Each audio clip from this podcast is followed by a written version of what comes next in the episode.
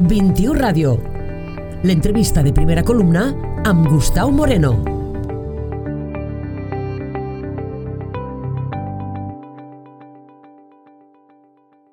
Avui a l'entrevista del primera columna ens acompanya Joan Alginet, bon dia. Hola, bon dia, Gustau. Portaveu d'Esquerra Més del Tebre, també president del Consorci d'Aigües de Tarragona, també en parlarem avui a l'entrevista. En primer lloc parlem dels temes eh, de política del Tebre, avui a ple a l'Ajuntament, i ahir mm, Esquerra Més del Tebre va donar a conèixer les, les mocions que presentarà, les propostes que presentaran este ple, destaca la petició perquè s'implanten eh, pressupostos participatius.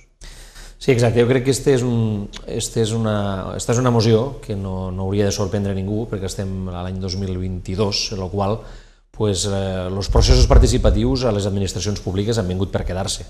Que passa que hi ha governs eh, i partits que hi creuen hi ha governs i partits que el que fan és eh, ser una tapadera o utilitzar-los d'acord amb els seus interessos. No?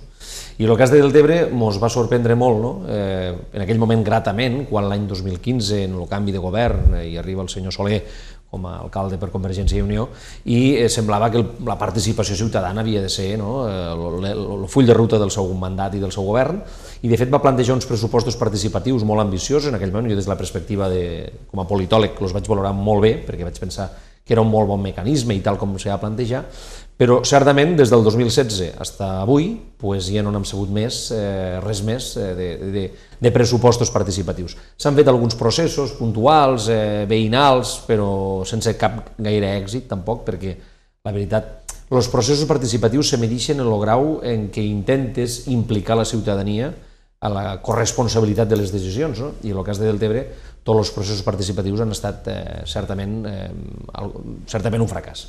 I per tant considerem no, que este govern que és eh, vanaglòria de la participació pues, eh, l'instrument més important que té un govern o un ajuntament, que són els seus pressupostos, pues, dona priva del dret a que la gent pugui participar. I el que fem és això, és a dir, demanem que hi hagi pressupostos participatius, com la majoria d'ajuntaments tenen, evidentment pressupostos participatius eh, contextualitzats i entesos com un instrument per a que la ciutadania s'implique eh, i que evidentment després d'esta participació hi hagi eh, que siguin vinculants. No? I bé, mm, trobem a faltar la, la participació real a l'Ajuntament de Deltebre per part de la ciutadania, malgrat que el govern, és a dir, quan un govern s'esforça tant en dir que és participatiu i que es aposta pels processos participatius, precisament és que no ho és. Eh? I és una mica el que trobem a falta del Tebre. Per això ho plantegem sense cap, gaire, sense cap esperança de que pugui ser aprovada, però sí per a posar en entredit eh, que aquell govern que semblava tan participatiu l'any 2016 pues resulta que ja no ho és tant, no? I, que, i que els pressupostos és un molt bon mecanisme per a que la ciutadania ajude a fixar prioritats. Mm -hmm. El ple del Tebre va aprovar fa, fa uns mesos el Consell d'Infants de Deltebre proposta d'Esquerra, no s'havia tirat endavant, no s'havia eh, complit esta, este acord de ple, van presentar una queixa a la, a la, a la síndica de Greuges Municipal i ahir ja van uh, obtindre la resposta, ja tenien la resposta, no? Sí. Els han donat eh, la raó, bàsicament? Bé, sí, sí, sí, el que ha vingut a dir la síndica ha fet dues recomanacions. Eh, la primera, el govern municipal dient, senyors, vostès el que han de fer és aplicar els acords en el menor termini possible, i el grup d'Esquerra, vostès el que han de fer és presentar una, una queixa o presentar una reclamació al govern de, preguntant per quines raons no s'ha fet efectiu un acord de ple. Jo crec que aquesta és una mica la tònica que hem arrossegat durant aquests eh, tres anys i, i pico de mandat, en la qual Esquerra Republicana, des del minut 1, eh, ha tingut als plens una actitud proactiva de presentar propostes, de presentar mocions, i les quals pues, no hem tingut ni la reciprocitat ni, ni crec que el respecte institucional pel, per part del govern municipal. Jo crec que ells, com a estratègia, han decidit pues, intentar silenciar o intentar no prioritzar aquelles mocions que vinguen des del grup d'Esquerra Republicana. Però, en tot cas, eh, jo, eh, que facin el que creguen. Jo crec que no és, des d'un punt de vista democràtic, no és gens eh, sa ni és gens eh, correcte que mocions que s'aproven al ple municipal, inclús el vot de l'Airem del Tebre, eh, pel fet de que vinguen del principal grup de l'oposició, no eh, queden, queden apartades i queden al calaix. Mm, l'excusa de que no forma part de les seves prioritats de govern o del seu de, seu pla de govern, el pla de govern i el pla de mandat d'un govern està sotmès en primer lloc al ple, que és eh, l'òrgan sobirà per excel·lència, és on estem representants tots els partits, i si el ple proposa a crear un Consell Municipal d'Infants, és una falta de respecte a totes les xiquetes i xiquets de Deltebre, que després de dos anys no s'hagi pogut fer. Una altra cosa és que estéssim parlant d'un gran equipament. Podríem plantejar pressupostos, eh, projecte i tal, però eh, se tracta de fer un reglament, que si volen i els hi farem natros, i els hi passarem fet, i portar-ho ple. Eh, és simplement això. De la mateixa manera que s'han constituït consells de gent gran, de salut, d'esports, de defensa del territori, i perquè no hi havia més eh, temes a tractar, casualment, els dos únics consells que no s'han constituït és el d'infants, que ho va proposar Esquerra Republicana, i el de cultura, que ho va proposar Esquerra Republicana. Per tant, mm, és una falta de respecte al que nosaltres representem i al propi dinamisme d'un ple municipal. Eh, Imagines que s'aproven acords al Parlament de Catalunya i que no es facin efectius, perquè ho ha proposat mm, el PSC, ho ha proposat la CUP, ho ha proposat una altra força. Vam recórrer la síndica de Greuges, per això tenim aquesta figura, per això li vam donar suport, perquè és necessari del Tebre una figura que fiscalitze als governs eh, en el compliment dels seus compromisos i de defensa de la ciutadania i vam, de, vam denunciar un fet clarament objectiu, és a dir, si presentem una moció, s'aprova i estem dos anys per a fer-la efectiva, mm. a veure si ara eh, fan cas a la síndica de Greuges municipal. Si no li fan cas a la síndica de Greuges municipal, ho tenim claríssim, anirem a la síndic de Greuges de Catalunya. Mm. El portaveu del govern de, de l'ARM del Tebre, Andreu Curto, deia l'altre dia que és irresponsable implicar la síndica de Greuges en un tema de partit, un tema partidista jo crec que el senyor portaveu del govern hauria de mirar bé les funcions de la síndica de Greuges, que, perquè possiblement les desconeix. En tot cas, també entenc que desconegui les funcions de la síndica perquè l'acord de tindre un síndic de Greuges també va estar dos anys al calaix i va ser per una moció que vam demanar que es fes efectiu aquell compliment d'acord de, de plenari. Per tant, entenc que desconeguen les seves funcions, entre les quals diu que els acords de plenari, eh, és a dir, de fet ja eh, tenim tot el dret del món a anar a la síndica de Greuges, de fet, si no fos competent la síndica de Greuges el que li demanàvem, no hauria respost, o hauria respost dient que no és competent. Però clar, casualment ha contestat dient, senyors del govern, vostès han de complir els acords de ple. Entenc que els hi moleste, però també els hi advertixo que serà una constant, i el grup d'Esquerra Republicana, que creu en les institucions, recorrerà a la síndica de Greuges Municipal properament en altres temes que ja tenim en marxa. Uh -huh. Esquerra, d'altra banda, també ha proposat posar el nom de l'auditori Josep, el nom de Josep Bo a l'auditori eh, municipal, una, una moció, una proposta que el govern va tombar. Sí, una proposta que tampoc no entenem eh, de quina manera li van pegar la volta, com sempre fan, és a dir, quan, hi ha, eh, quan és iniciativa del govern eh, tot és perfecte i tot és magnífic i tothom ha de sucumbir a les seues pretensions, quan ho proposa Esquerra Republicana es busca sempre l'excusa, la manera per no acabar-la aplicant. Poso en context, Josep Bo és una de les figures més importants que tenim a Deltebre des del punt de vista cultural eh, i musical. Eh, va ser un home brillant que va escriure nombrosos himnes, nombroses cançons, en les quals, pues, eh, des de que ens va deixar estar pues, eh, crec que és d'aquelles figures que no li hem fet el reconeixement que mereix. I per tant Esquerra Republicana el mes de juny presenta una moció, juny-juliol, presenta una moció dient el proper auditori que tinguéssim, que ja s'ha adquirit per part de l'Ajuntament, crec que seria de justícia, uh -huh. perquè evidentment és un espai cultural, és un espai proper a la casa on va néixer Josep Bo, és un espai on hi haurà activitat musical, porta el nom del nostre gran referent.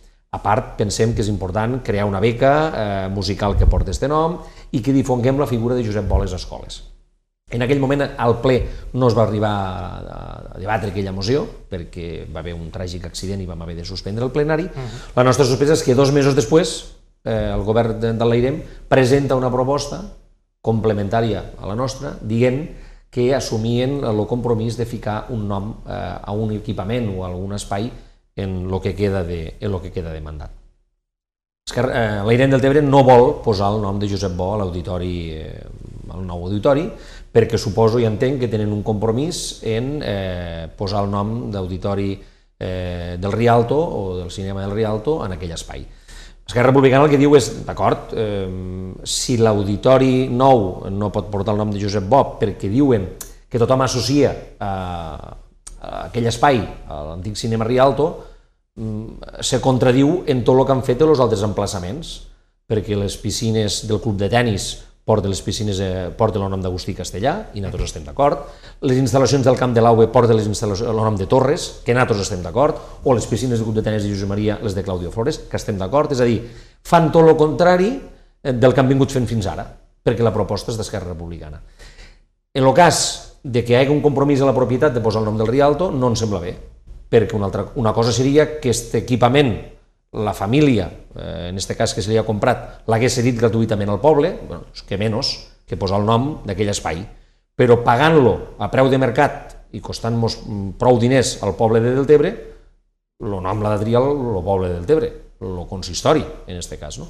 I per tant, bé, va anar a plenari, la seva proposta nosaltres ens vam abstenir i la nostra doncs, no va sortir endavant. En tot cas, ja li poden explicar, eh, ja poden explicar el que vulguen. No han volgut que l'auditori eh, de Deltebre portés el nom de Josep Bo. Una llàstima. En tot cas, se contradiuen ells mateixos en el que han fet en altres espais municipals. Uh mhm. -huh. Tenen el eh, municipi en obres, eh, voreres, carrers asfaltades. Uh mhm. -huh. Han sigut crítics amb la planificació de la pavimentació de carrers. Bueno, hem sigut crítics perquè creiem que no és just ni correcte eh, fer un mal ús dels recursos públics com s'està fent en aquests moments a Deltebre. És a dir, no és correcte que s'aposte per una neteja de cara que al final serà un pintat de carrers més que una pavimentació en cara i ulls, en la qual eh, carrers que porten dos mesos o tres o, o més i mig eh, recient pavimentats ja estan trepats, ja estan oberts perquè hi ha hagut fugues d'aigua potable i clavegram. A Deltebre, després de l'1, hauria de vindre el 2. A Deltebre tenim molts de problemes en el clavegram, la xarxa d'aigua potable, que són problemes endèmics eh, que venim arrossegant de molts anys. I per tant, abans de fer una pavimentació, s'hauria de preveure o s'hauria de fer una anàlisi molt exhaustiu del que s'hauria de fer. I potser més val fer un carrer ben fet, en voreres, en, la, en el clavegram que toca, en l'aigua potable, en la xarxa, la xarxa que toca, en eh, l'enllumenat que toca, i fer-ne un de ben fet que no 33 mal fets que avui ja estan trepats. No? I llavors la imatge, tu vas pel carrer i trobes, ostres, mira, aquell carrer molt bé, ja està recient pavimentat. Vas allà i ja està trepat, perquè hi ha hagut una fuga d'aigua potable o una fuga de clavegueres. Això és llançar els diners. Això és llançar els diners. I això no té excusa, és a dir, tu pots dir que eh, fas moltes coses i tu pots dir que apostes per transformar del Tebre, però transformar del Tebre no és això. Transformar del Tebre és fer un pacte urbà i d'imatge que l'hem proposat des d'Esquerra Republicana moltes vegades i no se'ns ha fet cas, de traçar un horitzó que en l'arranjament de carrers hi hagi un pacte que vagi més enllà de legislatures i més enllà de partits per a fer-ne una i ben feta, i no 33 mal fetes. A part del que per a nosaltres eh, sobre, sobre, eh, comportarà un sobrecost, és a dir, l'asfalt avui està eh, dos vegades més car que fa cinc anys. I vull recordar que el senyor Soler i que el govern actual porta des de l'any 2015, encara que dona la sensació que fa tres mesos que estan al govern, porten ja quasi vuit anys i si en 8 anys no, no han sigut capaços de fer un projecte a curt i llarg termini de pavimentació de carrers i ho fan ara a, dos, a 7, 8, eh, 10 mesos de les eleccions, mm. és una pavimentació electoral que no respon als problemes estructurals que tenim als nostres carrers. El portaveu del, de, l'AREM del Tebre també es va referir al projecte del préstamo i va dir que finalment el, les obres s'han adjudicat sense cap aportació, sense cap al·legació, sense cap esmena per part del grup d'Esquerra. Per tant, els dubtes que tenien eh, sembla que s'han esvaït. No, no, nosaltres els dubtes, el que passa que nosaltres no som ni enginyers eh, ni tenim la sort de conèixer tècnicament moltes coses. Nosaltres vam fer, eh, vam, vam expressar dubtes polítics, també tècnics, des de la lògica mm, del sentit comú. Eh?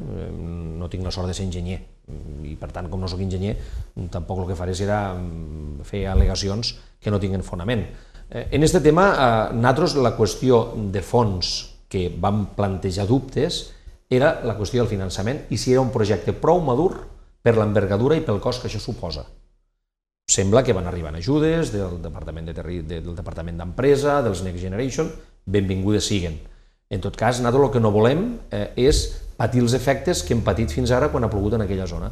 I li parlo en primera persona perquè vic al carrer Riu Llobregat i mm, de quan tinc el pis allí, però resulta que he entrat tres vegades o quatre en les botes d'aigua dins de casa.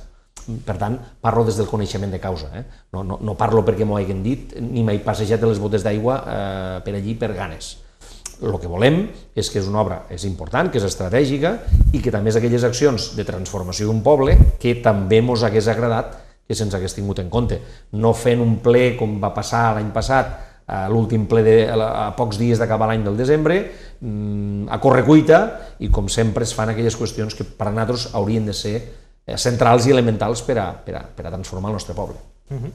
Com a president del Consorci d'Aigües de Tarragona també li vull preguntar per l'assemblea d'ahir, eh, es va anunciar que congelen les tarifes als consorciats per a l'any que ve.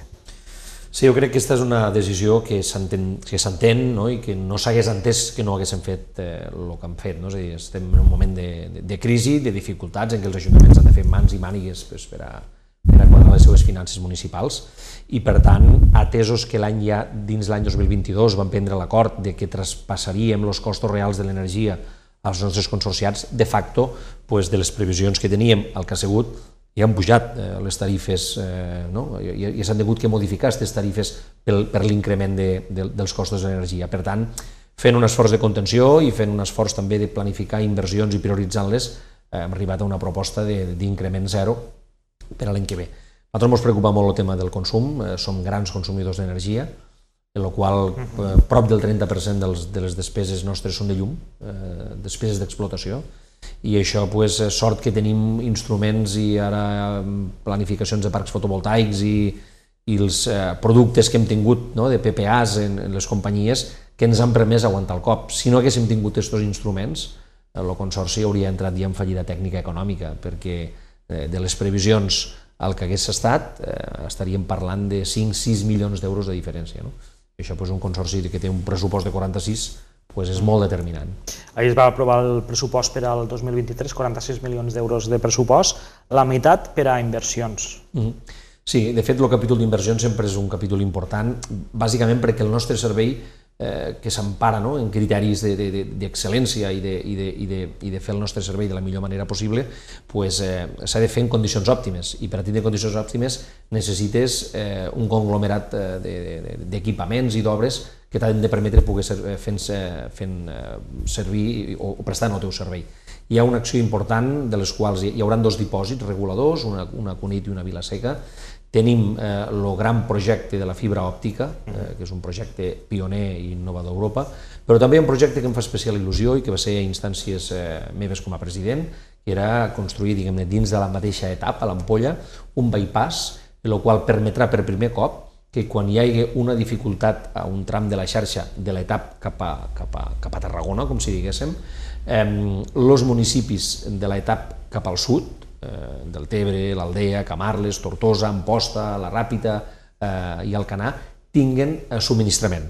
És a dir, quan vos heu passat el de l'Ampolla i el de l'Ametlla, que era més amunt de l'etap, per exemple, els municipis del sud eh, no van tindre aigua perquè la canonada estava connectada i per tant era d'aquelles qüestions de lògica i de sentit comú de construir un, un equipament o un bypass que no passarà dels 200.000 euros el qual, a partir de si hi ha algun incident a la xarxa, que esperem que no es produïsca, no, no tinguessin dificultat de subministrament als municipis de l'etap cap al sud. No?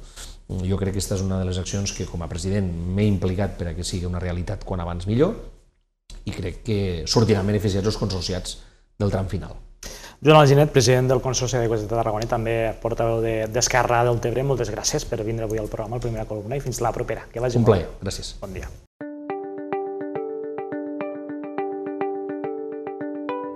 21 Ràdio. L'entrevista de primera columna amb Gustau Moreno.